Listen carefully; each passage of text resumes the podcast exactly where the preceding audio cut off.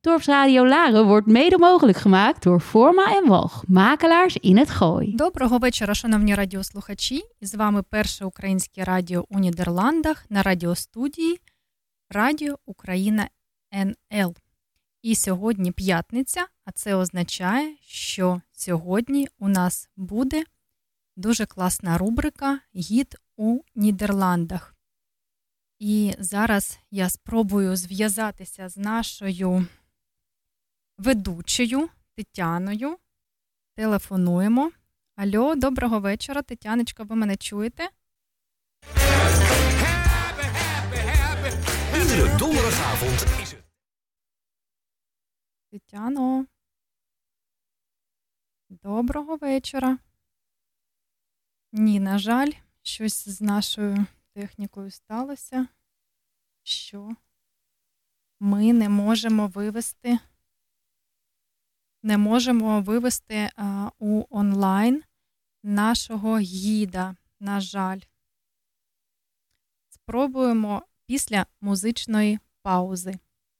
Не перемикайтеся. Зараз послухаємо декілька пісень і спробуємо ще разочок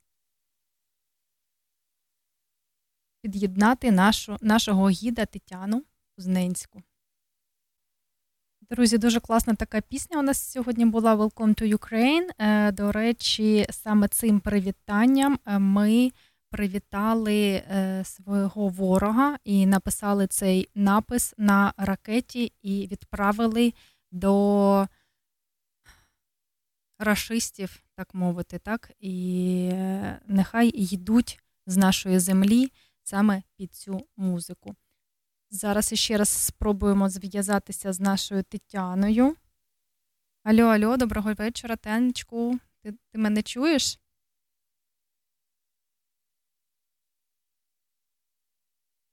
Доброго вечора, Тетяно. На жаль, на жаль, щось з нашою технікою відбувається. Ми це обов'язково виправимо, а тоді наступного разу зв'яжемося, і Тетяна розповість вам свою історію, історію Нідерландів. А ми продовжуємо наш ефір. На жаль, сьогодні без цієї рубрики. Тож, сьогодні 20. Сьогодні з вами в ефірі я, Олена Зашивайко, і впродовж двох годин ми проведемо ефір ефір першого українського радіо у Нідерландах на радіохвилі Радіо Україна НЛ. Сьогодні, 26 серпня 2022 року, і це 184-й день з початку повномасштабного вторгнення Росії в Україну. Згадаємо всіх, хто поклав своє життя за свободу, незалежність та суверенітет України. Давайте вшануємо кожного, хто боронить нашу Україну зараз в цій війні, кожного українця наступною піснею. І саме зараз у нас відбуваються налаштування нашої техніки, тож ми просимо вибачення у вас за такі незручності. І я вам сьогодні розповім трішечки е, інформації. Як ви всі знаєте, всі українці на цьому тижні відзначали День Незалежності України. І саме цей день став для нас всіх найголовнішим святом року. Ми тут, у Ларені, де ми проживаємо.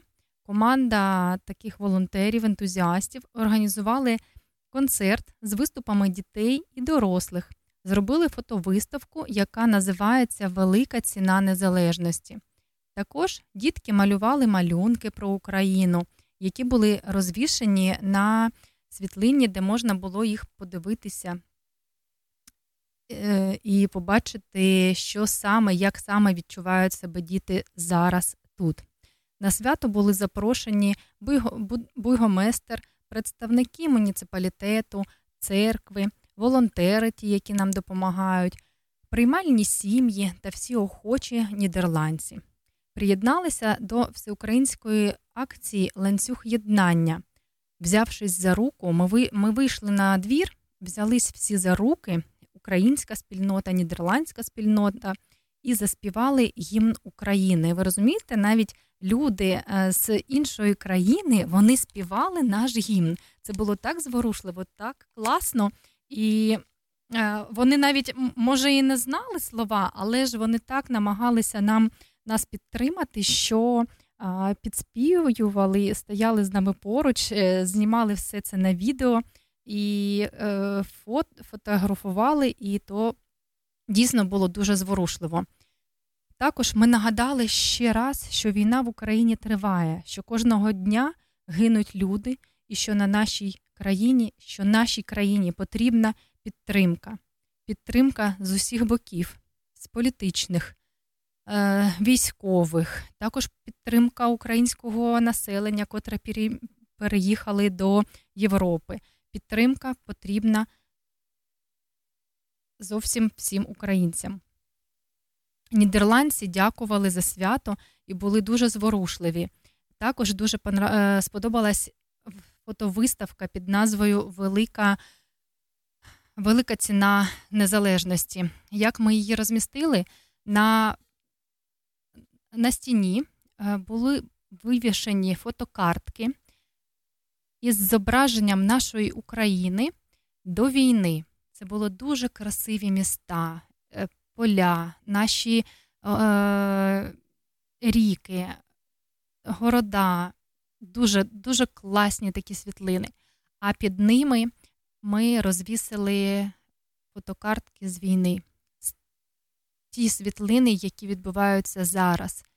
Померлі люди, вагітні жінки після обстрілу лікарні, чоловіки з Азовсталі. І то дійсно було дуже зворушливо. І після ці, цього, цієї події жоден не залишився байдужим. Ви знаєте, дійсно, знаходячись у Європі, кожен українець дійсно повинен нагадувати світові, що війна, війна в Україні триває. І не можна звикати, не можна втомлюватися про це говорити, показувати все це європейській спільноті.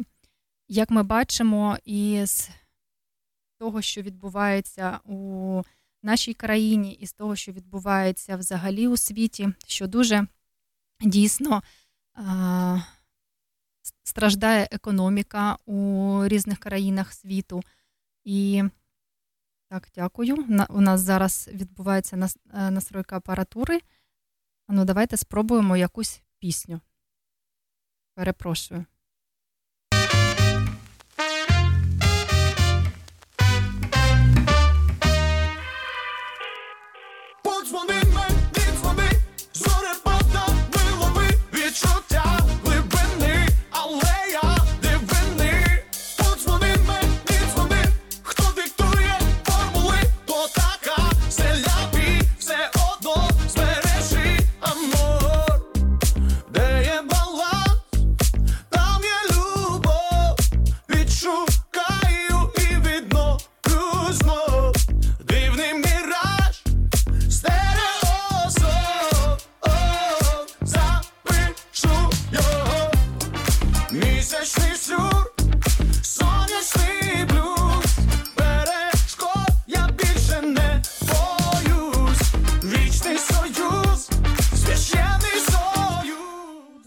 Перепрошую. все-таки вийшло настроїти нашу музику, тож сьогодні українські пісні будуть.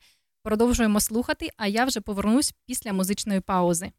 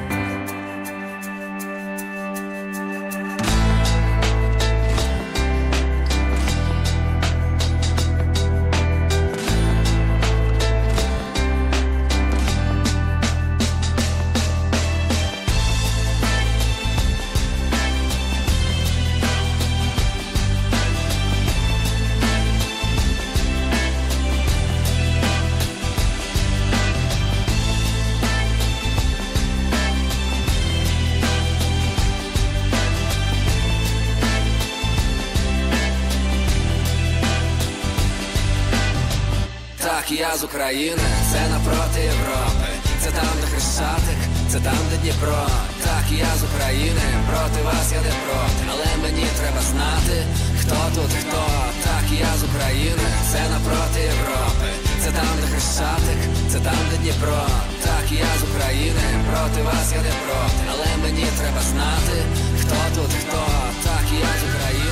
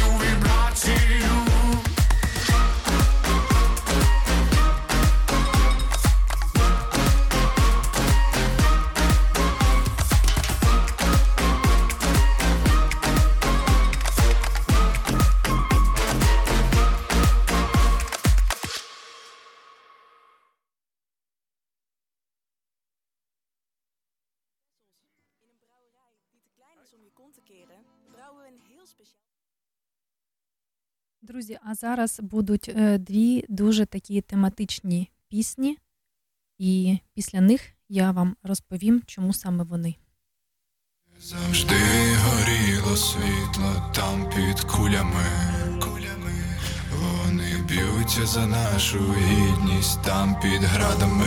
градами. Захищаючи своїх рідних під кулями. Десь там, десь там під зорями. Десь там, під зорями. Де завжди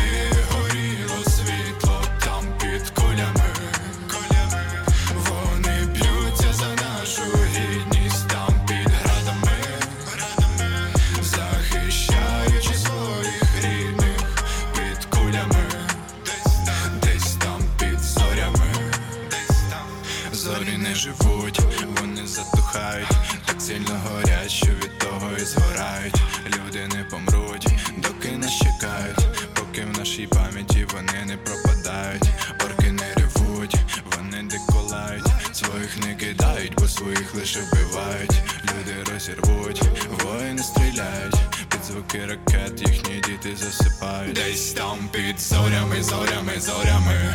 Я бачив сотні безстрашних очей. Там десь під бомбами, бомбами, бомбами. Маріуполь це місто хоробрих людей. Там десь під зорями, зорями, зорями. Я пропадав без ідей, там десь під бомбами. Дай Боже прожити ще пару ночей. Десь там під зорями,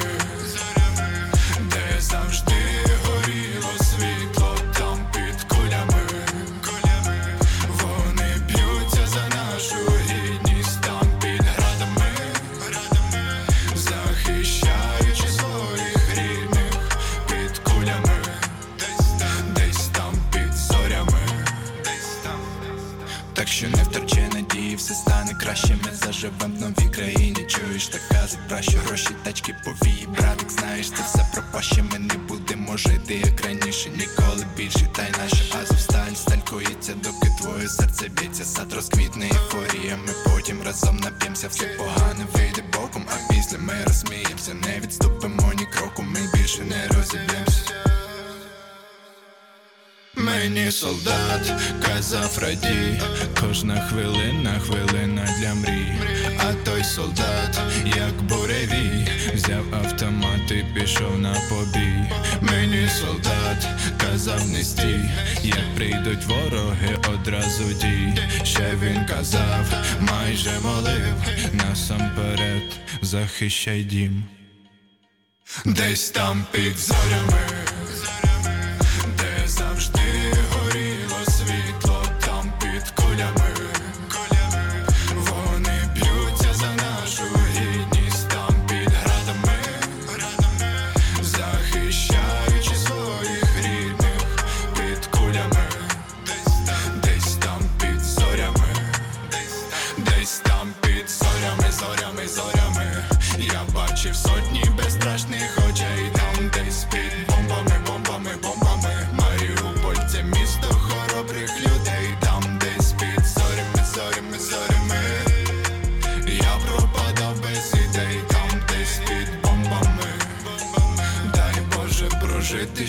пару ночей.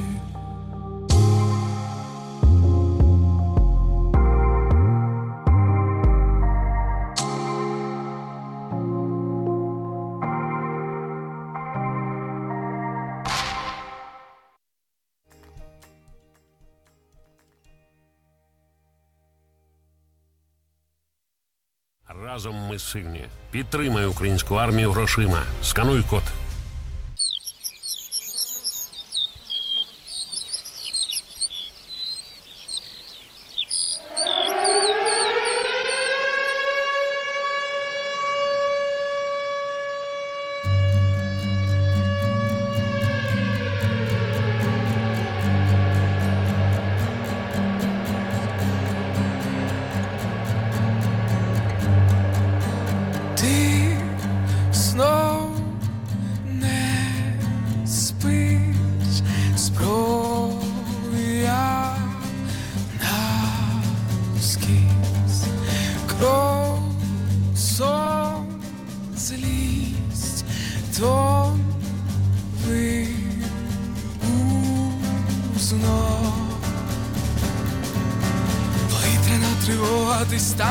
Горять, зліва побратими відстрілюють ребят.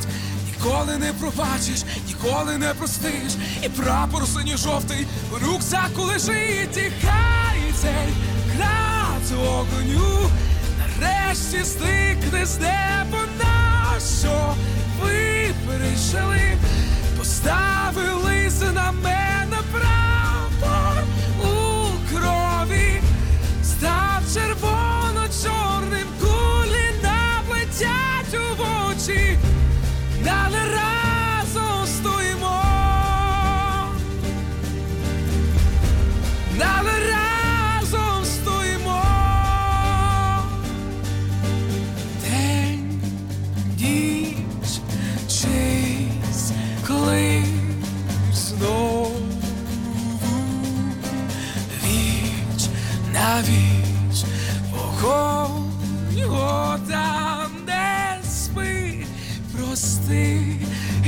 я поверну. Повітряна тривога, десь танки три горять, зліва побратими відстрілюють ребят. Ніколи не пробачиш, ніколи не простиш, і прапор синьо-жовтий у рюкзаку лежить, і хай цей град з вогню нарешті зникне з неба. На що ви прийшли, поставили на мене прапор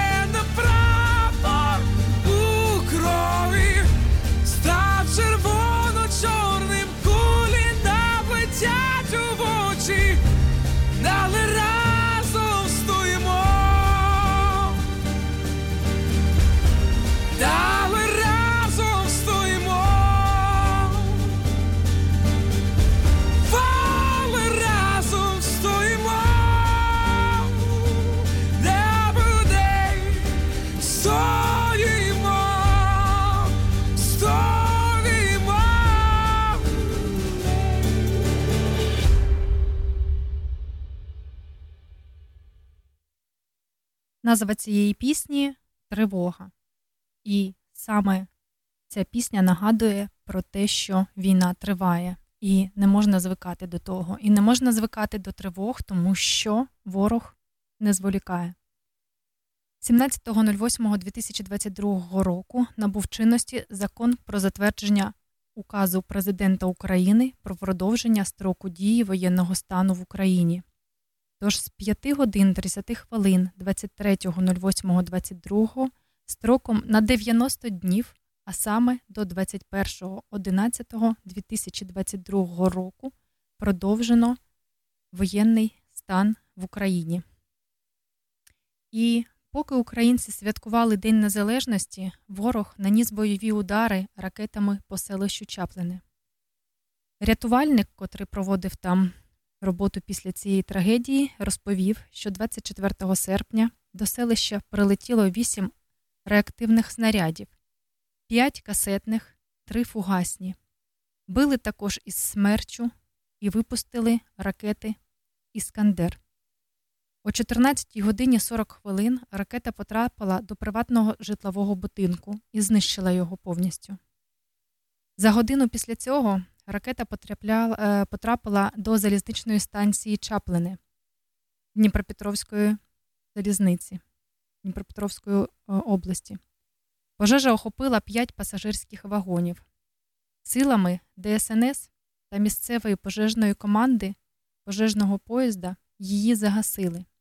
За 50 метрів від епіцентру події було знайдено провідницю вагона. Вона госпіталізована і зараз перебуває у лікарні. За словами рятувальника, у момент ракетного удару по залізничній станції поряд проїжджав легковий автомобіль, у якому перебувала родина з Донецької області. Батьки згоріли в авто, а дитину 2005 року народження виконало на дорогу, де її знайшов голова територіальної громади. Дитина вижила, слава Богові. Всього внаслідок ворожої атаки знищено два приватні будинки, пошкоджено 30 будинків та 35 господарських споруд, знищено автомобіль, пошкоджено ще три і постраждала будівля Укрпошти. Голова Дубовицької е, сільської ради додав, що фіксування наслідків атаки продовжується. Йдеться про пошкодження близько 200 будинків.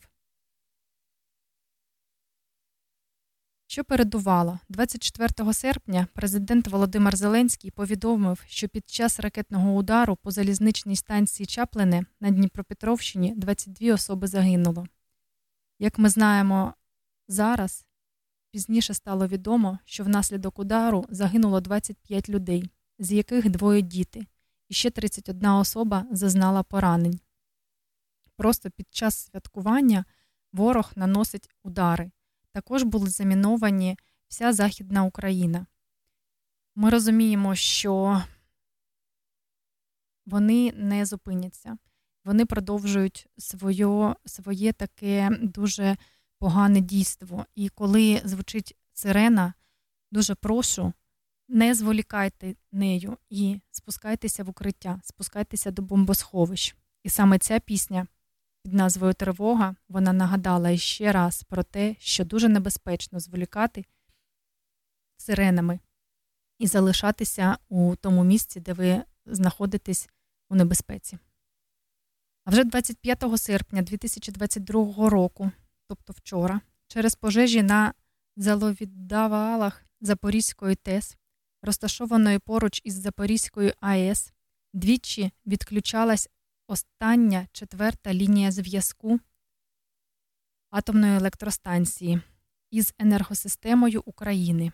Три інших лінії зв'язку раніше були пошкоджені під час рашистських обстрілів. Внаслідок цього два працюючих, працюючих енергоблоки станції відключилися від мережі. Таким чином, дії загарбників спричинили повне відключення Запорізької атомної електростанції від електромережі, перше в історії існування цієї станції. Потреби атомної електростанції в електроживленні забезпечуються з енергосистемами України через лінію зв'язку Запорізької атомної електростанції, Запорізька ТЕС. Зауважень до роботи автоматики і системи безпеки наразі немає. Ведуться пускові операції з підключення одного з енергоблоків до мережі. Цю інформацію повідомили в енергоатомі. Станом на 9 ранку 26 серпня, тобто сьогодні, всі енергоблоки Запорізької атомної електростанції відключено від електромережі. Власні потреби станції в електроживленні наразі забезпечуються через відремонтовану лінію з енергосистеми України. Лінія видачі потужності Запорізької атомної електростанції в енергосистему України також відновлена. Ведуться роботи з підготовки підключення двох енергоблоків до мережі. Зауважень до роботи обладнання та систем безпеки немає. Нагадаємо, що вчора Запорізька атомна електростанція вперше в історії повністю відключилася від мережі через пошкодження лінії зв'язку. Як сказав Володимир Зеленський, через дії Росії весь світ побував за крок до масштабної ядерної катастрофи. У Міжнародному агентстві з ядерної енергетики заявили, що місія має терміново виїхати на атомну електростанцію. Тож, шановні радіослухачі, ми бачимо, що ворог зовсім з, з глузду з'їхав, і вони роблять такі речі, котрі можуть і на них негативно вплинути. Тому що якщо це станеться, то всі ж розуміють, що радіація розповсюдиться не тільки на території України, а й на території інших країн і Білорусі, і Росії, і Європи. Тож дуже цікаво, чим думають ті люди, котрі виконують ці завдання.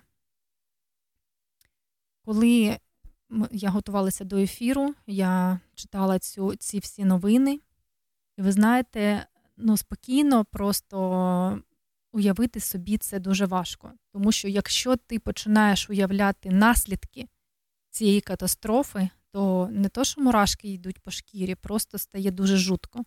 Всі ми пам'ятаємо, що вже була така катастрофа у 1986 році. І тоді постраждав, постраждало дуже багато людей, дуже багато загинуло. Я не розумію, чому хочуть повторити цей сценарій, якщо це вже відбувалося в історії. Просто почитайте, візьміть і почитайте, як ліквідовували наслідки Чорнобильської атомної електростанції. Невже росіяни думають, що їх це не зачепить? Невже білоруси думають, що їх це не зачепить? Пропоную перейти до музичної паузи. Серце слізно просить зупинити це безглуздя, що війна приносить. Я птах до чужих кордонів, мовчазливо залишають рідний дім мільйони. Так важко мені без твоїх обійм, ну як ти тебе не чутно кілька днів дістала. Рветься криком із груди, малює небо, вбережи наших батьків, наших дітей. Вірю, не хочу і не пробачу за очі, що ночами плачуть.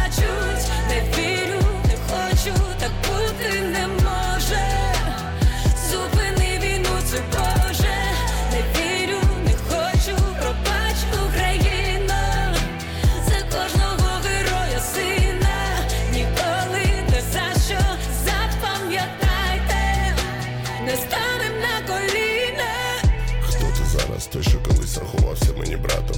Іди геть від мого дому і забирай від погляду моїх дітей ті кляті гармати. Ти прийшов на мою землю зомбований, просто вбивати.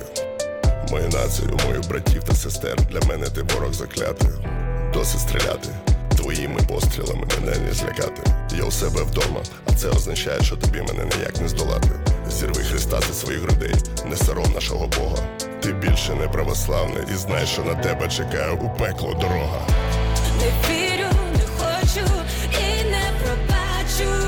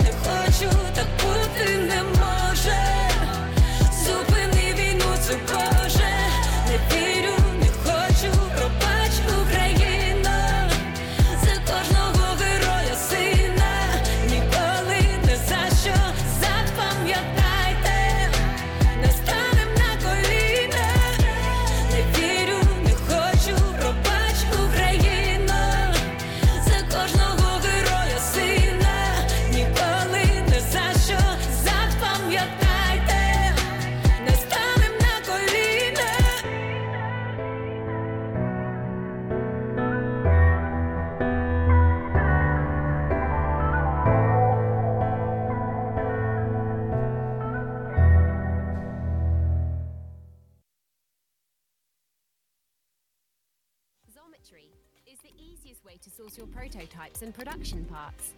Yes, it's that easy.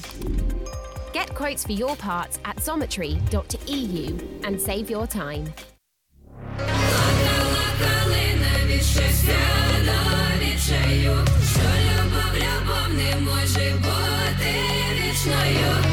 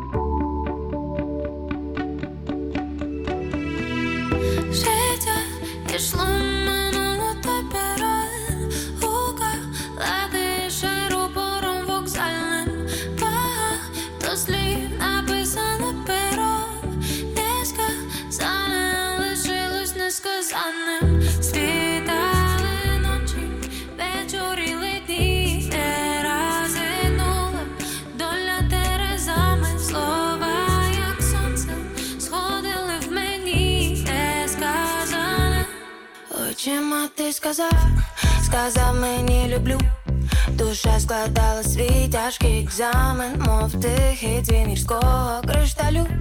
Сказав мені люблю, несказане лишилось несказаним, мов тихий дзвін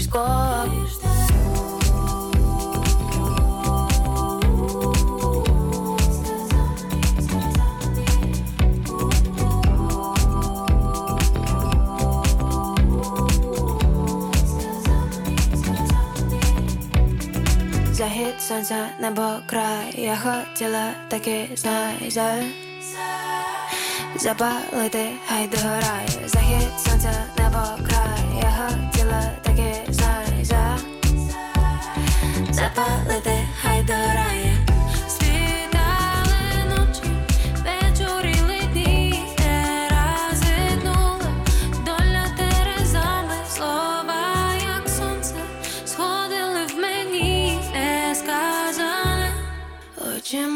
сказав, сказав мені люблю Душа складала свій тяжкий екзамен, мов тихий дзвін гірського кришталю. Сказав мені люблю, не сказане лишилось несказаним, мов тихий дзвін гірського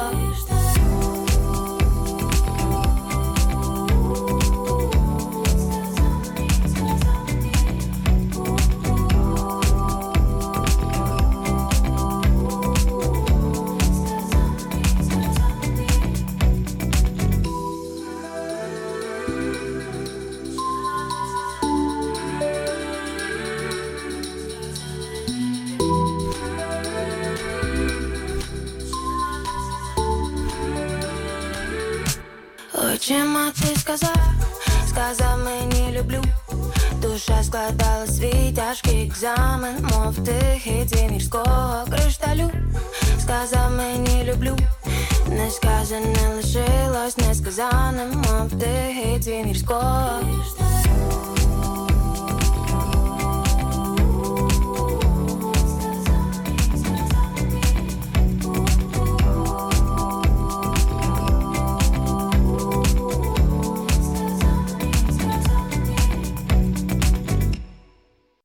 Дмитрович, а як ви думаєте, як можна сказати про почуття без слів? Поглядом.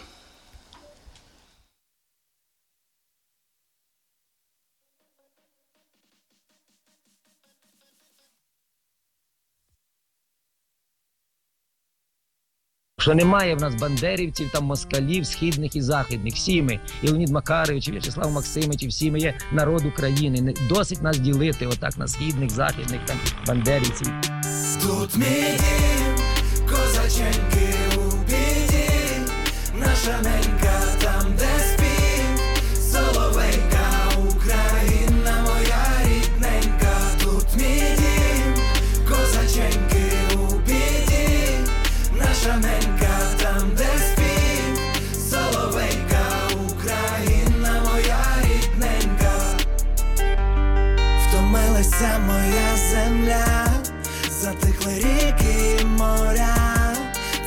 точно не твоя вина. Війна, війна, це мій дім, тут так все знайомо від прохожих до рідних стін. Тут сонце заходить і усе по своїй осі. Тут розум холодний, тому так сильно прагне змін. Ми будем боротися, бо тут мій дім, козаченьки у біді, наша ненька там, де спів,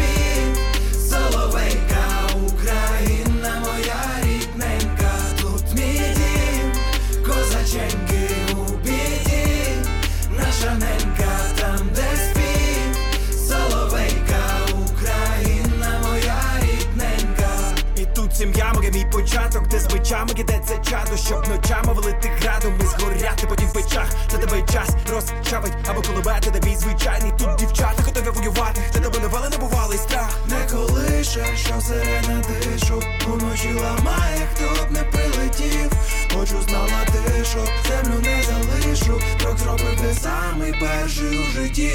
Тут мій дім, козаченьки у біді, наша ненька там, де спів, соловейка, Україна моя рідненька, тут мій дім, козаченьки у біді, наша ненька там, де спів, Україна моя рідненька. Хотілось просто подякувати тобі за те, що все ось І я пишу рядки на колоритний біт За те, що дихаю навіть у віхолу За твоє сонце, за мою мрію, за те, що немає без виході. Напротиваю злу посмішку з уст моїх усі відповіді на біт будуть усними. Ніяк не можу напитися з джерела Цей погляд час малював, не стерти враз імена. Тут мій дім, козаченьки у біді, наша ненька там, де спів, соловейка,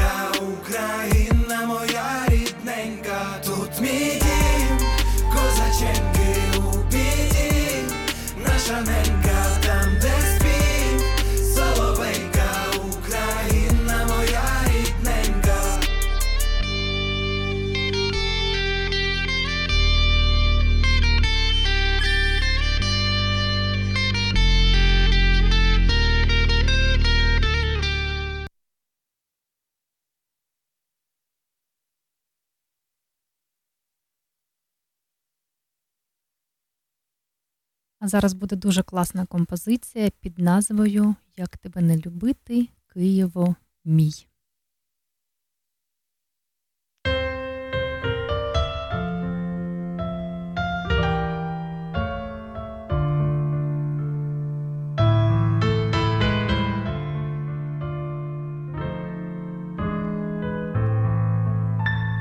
Грає море зелене, день догора, дорогими для мене стали схили Дніпра, де колишуться віти закоханих мрій, як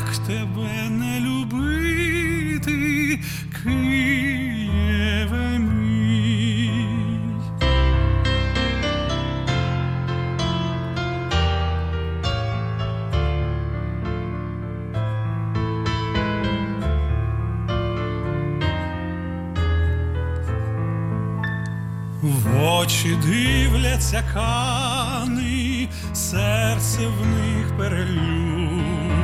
Хай розкажуть кохані, як я вірно люблю, буду мріяти жити на крилах надій, як тебе не любити,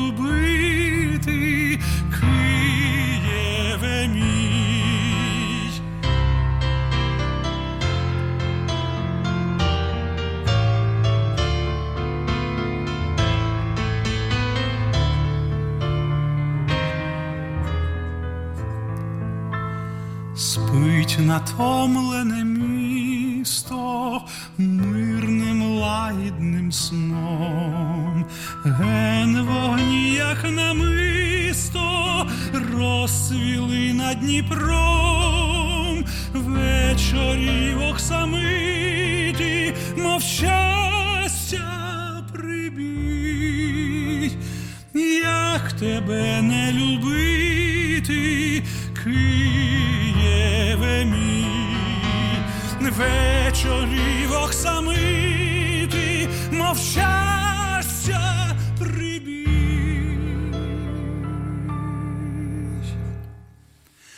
Як тебе не любити,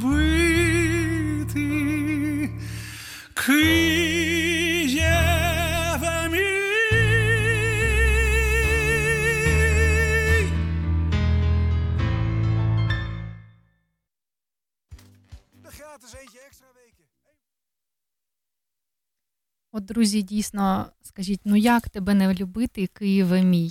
А зараз буде ще дуже класна композиція під назвою Ніч, яка місячна.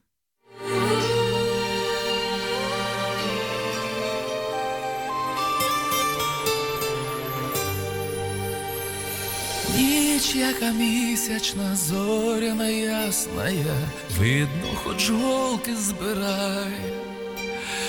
Вийди, кохана, я працею зморена, хоч на хвилиночку гай. Вийди, кохана, я працею зморена, хоч на хвилиночку гай. Сядемо в купочці тут під калиною, і над панами я пан. Глянь, моя рибонько, снібною хвилею, стелиться полем туман. Глянь, моя рибонько, срібною хвилею, стелиться полем туман. Небо незміряне, всипане зорями, що то за Божа краса. Перлами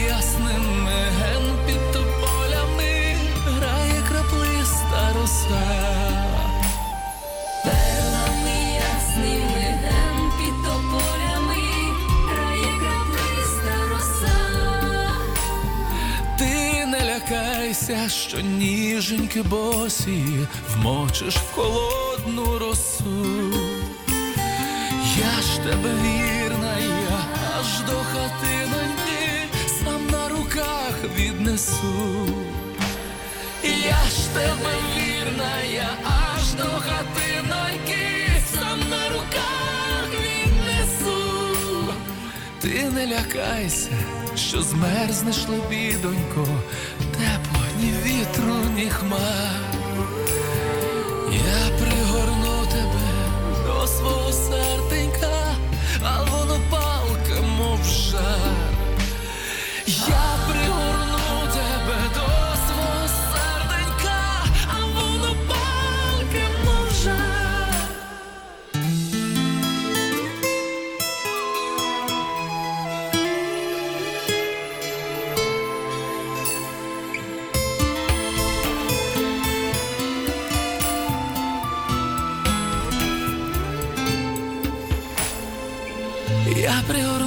тебе до свого серденька, воно палка, мов.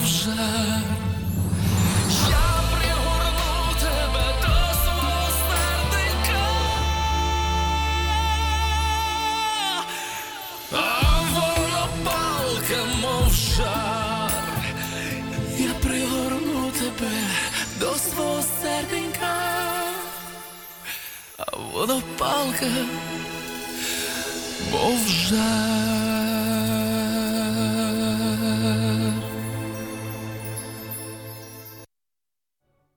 А наступна пісня е, прозвучить із питанням Як ти? Тому що це питання стало дійсно найактуальнішим цього року, тому що кожен, кожна розмова, кожне повідомлення починається саме з цього питання Як ти? До свободи знати, те, що вже перемог, і завтра настало живе і здорове, як ти, найщиріші два слова, що ти, ми за крок до свободи знати, те, що вже перемога. Як ти, чути, як б'ється серце навпроти, ноти грають мелодію доти, доки я відчуваю твій дотик.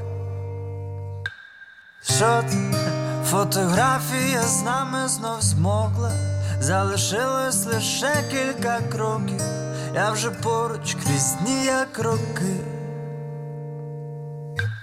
Як ти, найщиріші два слова, що ти, ми за крок до свободи знати, ти ще вже перемог, і завтра настало живе і здорове, як ти, найщиріші два слова, що ти, ми за крок до свободи. Знати, ти що вже перемога. Далі буде тоді, коли ми один одного любимо, стали народом сміливим, являємося людьми ми. Та вже сьогодні це відчув весь світ. Та ти знаєш, як до тебе прагнув обійм.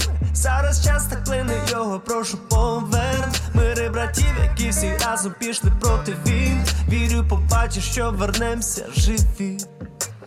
Як ти? Що ти?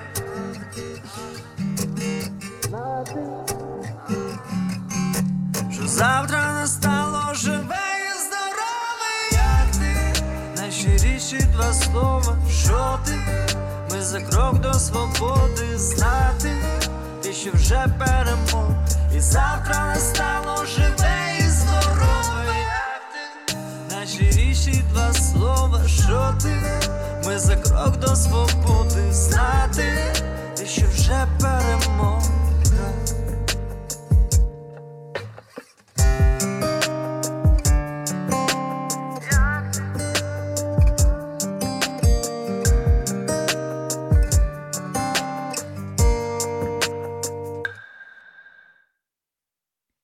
Так, друзі, ми знову в ефірі першого українського радіо у Нідерландах на радіохвилі Радіо Ukraine НЛ. І нагадаю, що сьогодні 26 серпня, і сьогодні відзначають Всесвітній день нарциса. Він завжди припадає на четверту п'ятницю останнього літнього місяця. Однак присвячена подія не квітам, а боротьбі з раком. Адже саме нарциси вже багато років використовуються як символи цієї страшної хвороби. Нарциси розквітають навесні і разом з ними з'являються нові надії. Тому у 1950 році ракові спільноти почали використовувати квітку як символ надії на видуження. Цього дня проводиться збирання коштів для світових онкологічних організацій, щоб допомогти хворим на рак. Дійсно дуже класна ініціатива, тому що ми бачимо, що екологія змінюється, навколишнє середовище змінюється, і дуже багато людей страждає на цю страшну хворобу.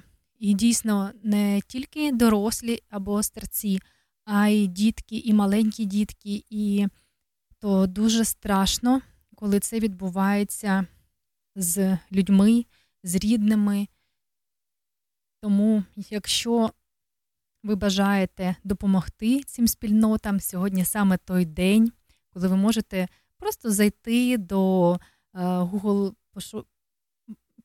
пошуку, так, і знайти якусь організацію і допомогти, задонатити і допомогти якійсь людині скоріше одужати. Також 26 серпня Всесвітній день собаки. Ініціатором створення свята стала американка Колін Пейдж. Вона є провідною спеціалісткою з поведінки тварин та авторкою книг, експерткою сайту DogTime.com і журналу ОК. Засновано це свято було у 2004 році. Дату жінка обрала не випадково, адже саме цього дня в її сім'ї з'явився новий член собака Шелті. Домашнього улюбленця Коллін взяла з притулку.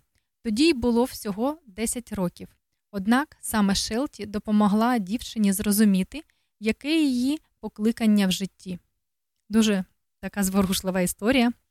І дійсно, зараз під час війни е, ми бачимо багато в соціальних мережах, що дуже багато тварин потребують прихистку, потребують допомоги, потребують в годуванні. І якщо ви маєте таку можливість, то не зволікайте і візьміть, візьміть до себе якусь тваринку, тому що ця тваринка вона просто розтопить ваше серце і буде самим класним другом вам у будь-якій ситуації. Ви знаєте, кожного ранку, знаходячись тут у Нідерландах, я проводжу кожного дня, кожного ранку я проводжу свій е, ранок такий півгодинки, а то і буває таке, що до, до години. я виходжу на двір з двома дуже класними такими собаками. Е, їх звуть Гаррі Чаппі. Е, це дуже такі веселі, добрі собацюшки. Я їх називаю мої кращі друзі, мої антидепресанти, тому що дійсно, коли ви знаєте, коли від'їжджали до відпустки, то собак потрібно було кудись е, віддати на цей час. І от два дні е, ми провели без тих собачок. Що я вам хочу сказати? Що дім відчувається просто порожнім, коли в ньому немає тих звірів. Ти до них так просто вже звикаєш, то як діти, начебто, котрі не зростають, вони постійно, не зважаючи на те, яке у вас, е, який у вас настрій, що у вас відбувається, е, як ви себе відчуваєте, вони підійдуть до вас. Е, такі кумедні, бо вони хочуть, щоб ви їх погладили там чи дали якогось смаколика. І коли відбувається ось комунікація, цей контакт, то як би там не було, ви розумієте, що вже вже і не так е, скучно, і вже і не так сумно, тому що дійсно якусь таку вони приносять радість і спокій. І дуже прошу, якщо ви маєте таку можливість, прихистіть саме неприту... безпритульних котиків, собачок чи якихось ще звірів, е, які ви, яких ви тільки можете взяти собі додому і зробите дві добрі справи, тому що ви врятуєте життя тій тварині. І друга справа, ви врятуєте себе, тому що ця тваринка буде приносити вам тільки хороше в ваше життя. А я пропоную поставити музичну композицію. Якусь давайте веселеньку, щоб у нас вже ефір переходив до більш такої позитивної нотки. І зараз щось таке я хочу. Нехай буде отака. Нехай квіткує Україна.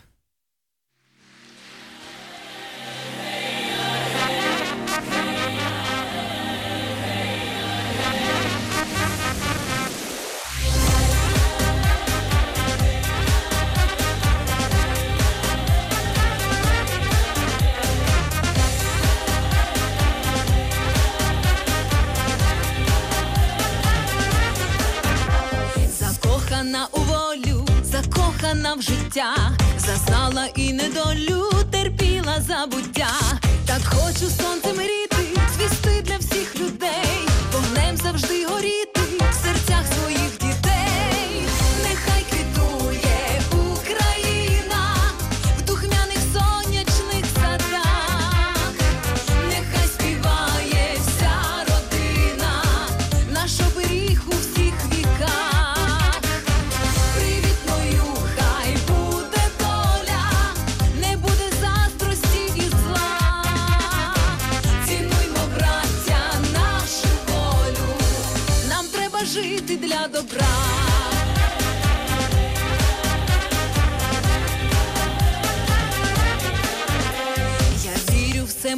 минеться і прийде новий час.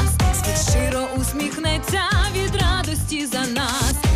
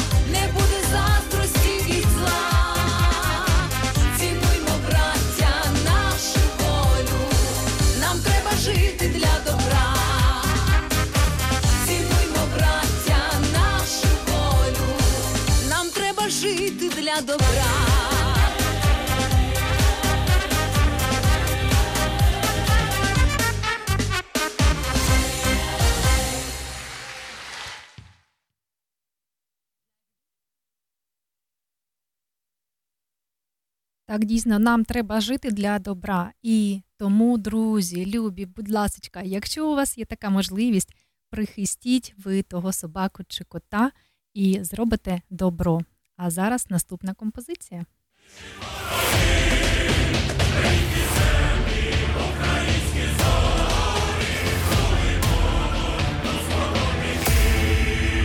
десь о п'ятій ранку в лютому розпочалася війна, в тому лютому не забутому Ця країна натягнулась, мов струна, і тоді вона піднялася з Богом в серці за своє. І одразу жо.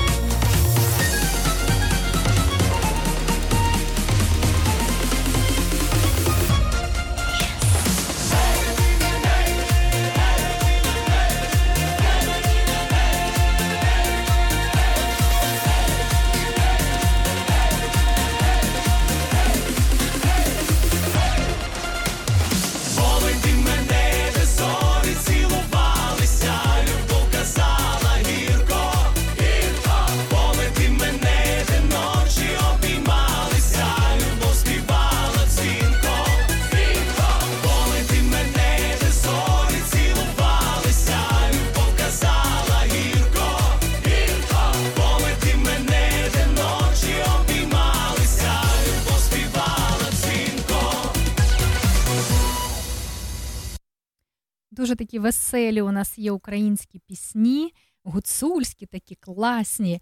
І ви знаєте, наступна композиція, вона е, дуже така також весела. І вперше я її почула, перебуваючи на відпочинку в Україні. А, Перебуваючи у відпочинку на відпочинку в Україні е, на е, на Західній Україні, це навіть не пам'ятаю, як називається цей заклад, але ж там так класно, такі смереки високі, ліси такі густі, і доброзичливі люди, українські страви. І ви знаєте, одного дня ми з сім'єю пішли до е, такого е, закладу. Він знаходиться на території е, цього здоровчого комплексу, і там таке все дуже спокійне, тихесенько, бо люди відпочивають, вони п'ють водичку, вони дихають повітрям. І от ну, ти таки на релаксі, ходиш собі собі зранку до вечора, все спокійно. І тут ми ввечері пішли до ресторану чи кафе, як це назвати, мабуть, то був ресторан. І от е, жива музика, такий е, гуцулький хлопець так класно співав пісні. І от саме там я вперше почула цю пісню. І вона так припала нам до душі, що ми співали всією родиною навіть тоді, коли вже останнього дня їхали додому. Так, от послухайте і ви.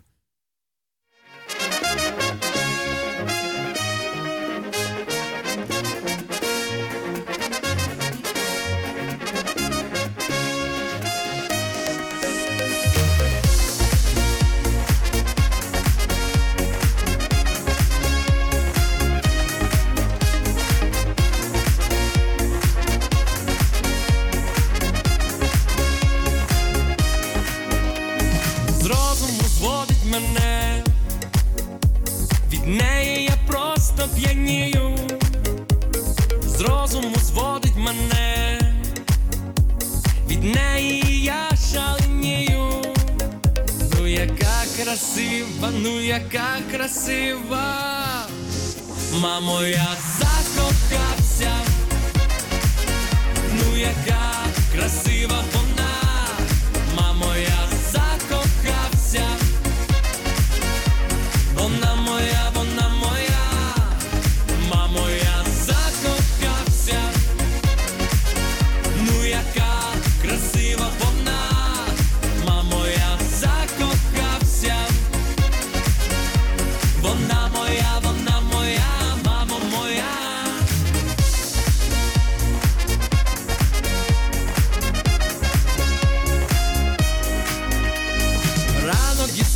це казка. Найніжніша у мене вона, ранок із нею це казка, найніжніші у неї вуста, ну яка красива, ну яка красива, мамо, я закохався, ну яка красива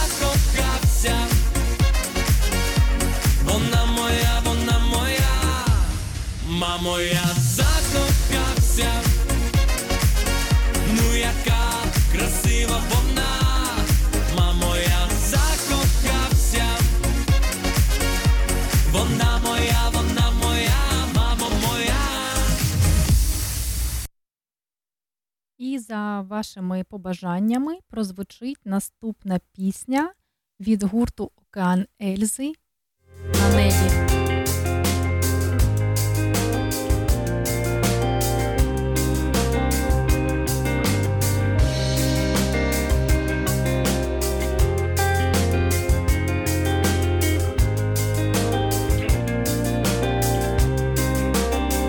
Там, де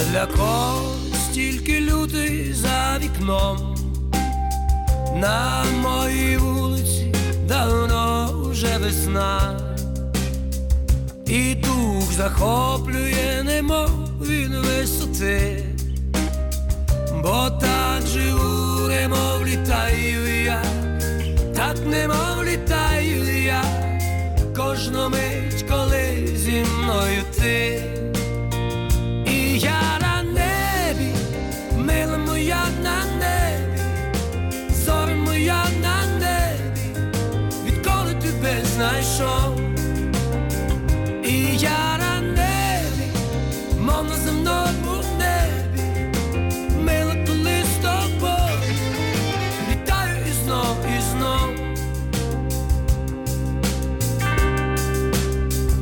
І я не знаю, як світанок настає, і як закінчився улюблений альбом, бо не бажаю ні хвилини самоти, і так живу, немов літаю я, так немов літаю я, кожну мить, коли зі мною ти.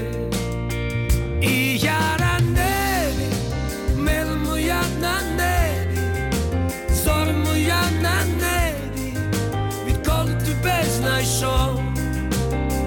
І я на небі, мов на земному небі, мила коли з тобою, літаю і знов, і.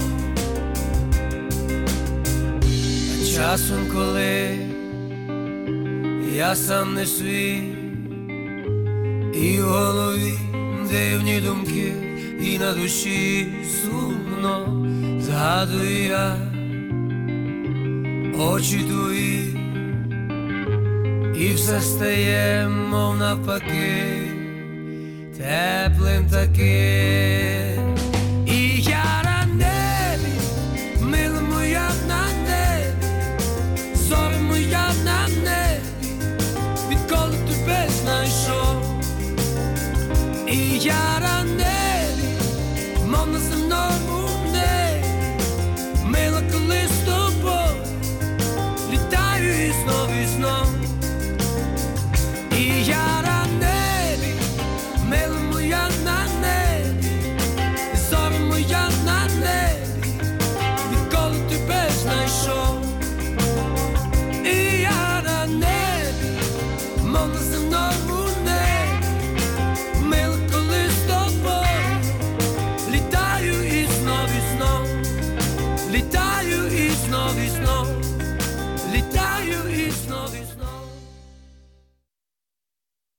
Дуже класна пісня. Вона виконана за вашими замовленнями, і впродовж цієї теми став, е, послухаємо дзідзьо під назвою Розлук не буде.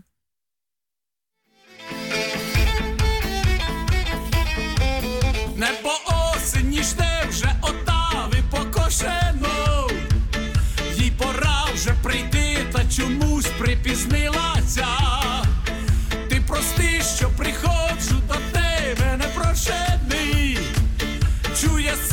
Серце моє, наші долі зріднилися.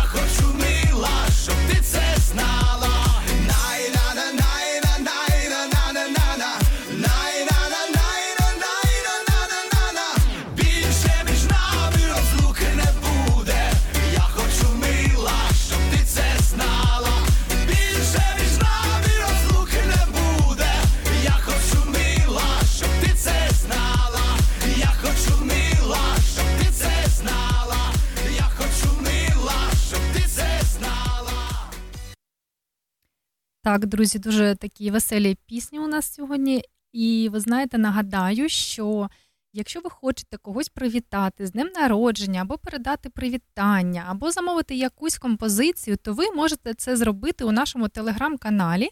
Він називається Перше українське радіо в Нідерландах. Так і називається. Дуже банально, але так дуже зручно нас знаходити в телеграмі. Ви заходите до нашого телеграм-каналу і пишете у коментарях під останнім е, повідомленням, яке бачите у стрічці новин. І уже у прямому ефірі ми зачитаємо ваше привітання, ваше замовлення і поставимо ту композицію, яку ви хочете слухати. Отак, от така є можливість. І наступна пісня звучить саме для вас. А після цієї пісеньки я ще розповім, які традиції в Україні відбуваються саме 26 серпня.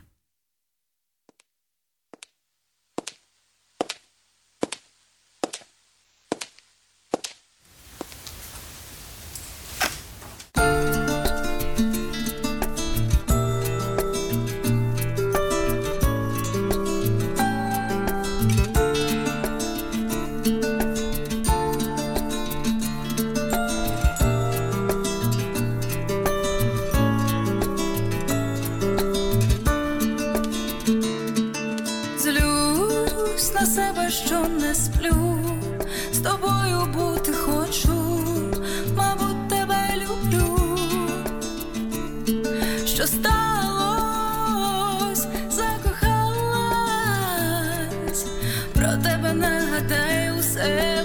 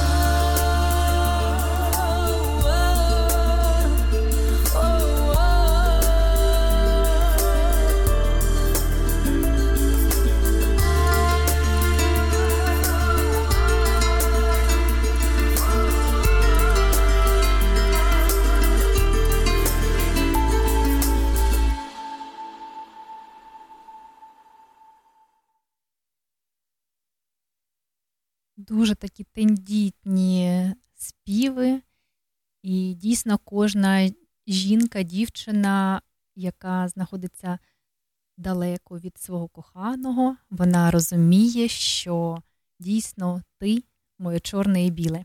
Тож, е, любі друзі, нагадуйте своїм коханим, що дійсно ваші почуття вони дуже сильні і дуже важливі. І не не соромтеся своїх почуттів і нагадуйте це один одному. Привіт, слухай, що за нафіг, я нормальний чоловік, досить Насті лети по містам і язикам, тут ми народили.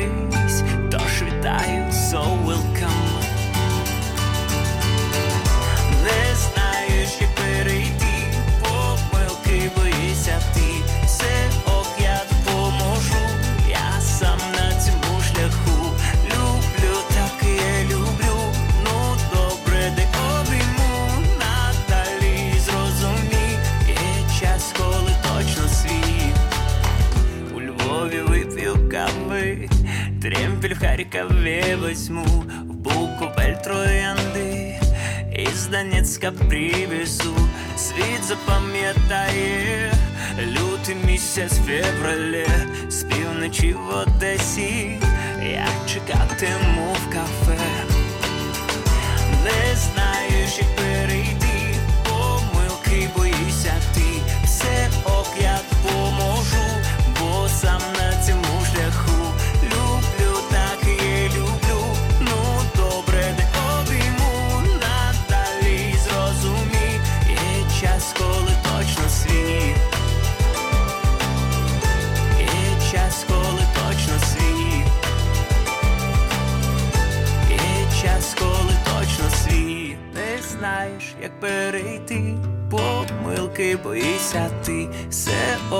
допоможу, бо сам на цьому шляху.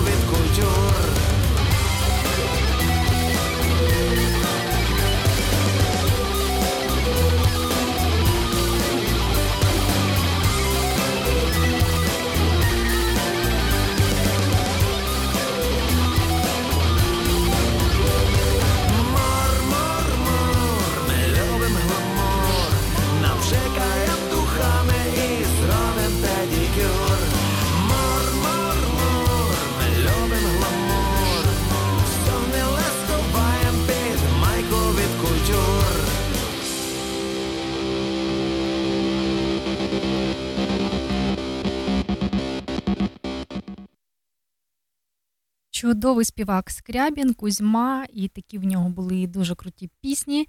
Так, гламур дійсно дуже така класна пісня, і вона показує, хто на що здатний і у кого які життєві цінності. А у багать... а у... взагалі у всіх українців у 2022 році змінилися цінності, змінилися пріоритети, і дійсно не яка річ у світі, і жодні якісь там цяцькі, назвемо це так, не замінять е, живого спілкування, обіймів рідних людей. От так от. А наші, до речі,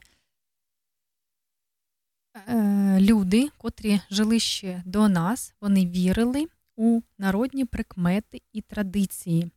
І знаєте що? Давайте не будемо забувати про це, тому що люди е, це передавали із покоління в покоління, і тобто це вже е, така, як знаєте, ланцюг такий єднання, тільки вже з тих прикмет, котрі роками були помічені в українській культурі, в українській спільноті, можна так сказати. 26 серпня серед наших предків існувало чимало цікавих прикмет на сьогоднішній день. Дивилися, який сьогодні день. Якщо тепла погода, то зима буде морозною, а якщо холодно, то зима буде теплою. От, е, любі українці, які перебувають в Україні, напишіть, будь ласка, до нашого телеграм-каналу, яка сьогодні погода в Україні, тому що у Нідерландах дійсно холодна погода. Е, а ви знаєте, е, традиції та то були засновані саме на українській землі. І от дуже цікаво перевірити, буде тепла зима чи холодна. Якщо ми будемо дивитися на погоду у Нідерландах, то зима повинна бути теплою. Тож дуже цікаво, яка погода відбувається сьогодні саме в Україні. Зростаючий місяць означає, що скоро прийдуть дощі. Дуже цікаво. Треба подивитися сьогодні на небо і е, побачити, який саме сьогодні місяць. Якщо дме сильний вітер, вересень буде дощ... Е, е, дощовим. На березі вже довге листя, жовте листя, чекайте на ранню осінь. Ну, то так дійсно і є. Якщо вже жовте листя, то ж вже дерева готуються до осені, так, і тоді е, дійсно осінь прийде рано. У народі 26 серпня називали Максим Сповідник або Тихон Страсний. Часто цього дня віряни молилися страсній іконі Божої Матері, щоб отримати захист від хвороб. А ще селяни починали прибирання в льохах, щоб підготувати їх до осені. Отак, от дійсно е, готувалися наші предки до осені, до зими.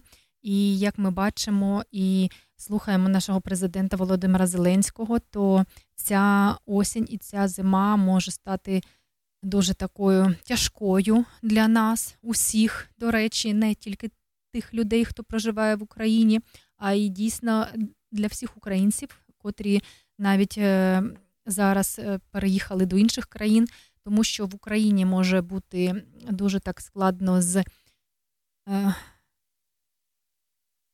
з теплом у оселях, а у тих українцях, котрі переїхали за кордон. Дійсно, з економічної точки зору, тому що ми бачимо вже, що ціни зростають на все, на продукти харчування, на опалення, на бензин, на топливо, ну тобто на все. Тож ми повинні бути до цього готові морально, і якщо є така можливість, то може трішечки слід е, зекономити зараз, щоб потім восени і взимку було трішечки легше. А наш ефір вже підходить до закінчення так швидко проходять ці дві години. Хочеться з вами проводити цей час все більше і більше. І я нагадую, що 4 е, вересня 2022 року о 12 годині в Гаазі у рамках всесвітнього жіночого руху і на підтримку всіх українських жінок і дітей в різних країнах світу буде проведено марш вдячності країні, де ми перебуваємо. людям, які нас прихистили і підтримують. В планах маршів вдячності в Нідерландах такі міста, як Амстердам, Утрех, Ентховен та інші маленькі містечка. Офіційно запрошуються представники влади і місцеві медіа. Тож чекаємо всіх на зустріч. Прийдіть і покажіть, що ви дійсно вдячні е, тим людям, котрі вам допомагають. А я в свою чергу зробила такий флешмоб до Дня Незалежності. Його також організували е, рух марш матерів. Е, саме в Нідерландах за нього відповідає кураторкою цього маршу є Ольга Король, дуже класна дівчина, така молодець, тендітна, але сильна, сильна духом, така енергійна. Е, дякую, Олечко, тобі, якщо ти мене чуєш, за твою, твою таку натхненну працю волонтерську, тому що ми всі знаємо, що всі тут займаються волонтерськими справами і за це не отримують гроші, тому що ми дійсно віримо в нашу перемогу України. Ми любимо свою країну і підтримуємо там, де б ми не були. І от саме саме на День Незалежності е, я записала такий відеоролик, де дякувала Нідерландам за те, що відбувається зі мною, відбувалося зі мною, за тих людей, котрі мені допомагали, і що я маю саме тут, знаходячись у Нідерландах. І цей відеоролик я скину сьогодні до нашого телеграм-каналу, і ви зможете його також переглянути. А зараз пропоную послухати ще декілька українських пісень і зустрінемося з вами уже у понеділок.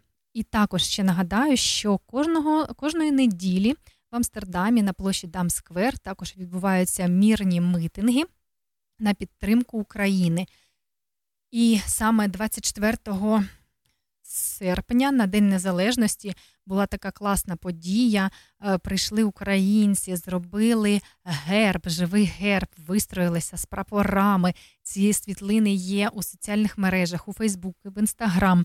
То було дуже круто. Також у Роттердамі зафіксували навіть е, світовий рекорд. Е, одночасно спів е, гімну Україну понад 55 е, країнах світу. Це дивовижно, друзі, тому що мені здається, жодна країна не робила такого раніше. Українці це просто сильна нація, згуртована. Мене навіть переповнюють емоції, як ще можна нас назвати, тому що ми дійсно, дійсно круті, сильні, незалежні і вільні. Пам'ятаємо про це і ніколи не дозволимо, щоб наші крила за спиною були вниз, тільки догори. Любі друзі, підтримуємо нашу армію, підтримуємо наше ЗСУ, підтримуємо нашу Україну, приходимо на всі мірні мітинги, приходимо 4 вересня на марш вдячності і гуртуємося, тому що це дуже класний е, нетворкінг. Ми знайомимося з новими людьми. Це дуже цікаво і приходьте, приходьте, познайомимося поближче вже не у, на радіохвилі, а уживу. І це буде дуже класно. Тож до зустрічі на мітингах і до зустрічі у понеділок на радіохвилі Радіо Ukraine НЛ. Пока-пока.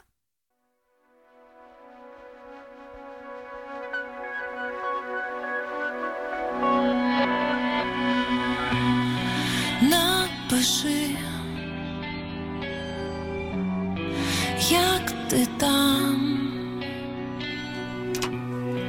я немов тонка струна, знай лише ти не сам. Час, коли мене нема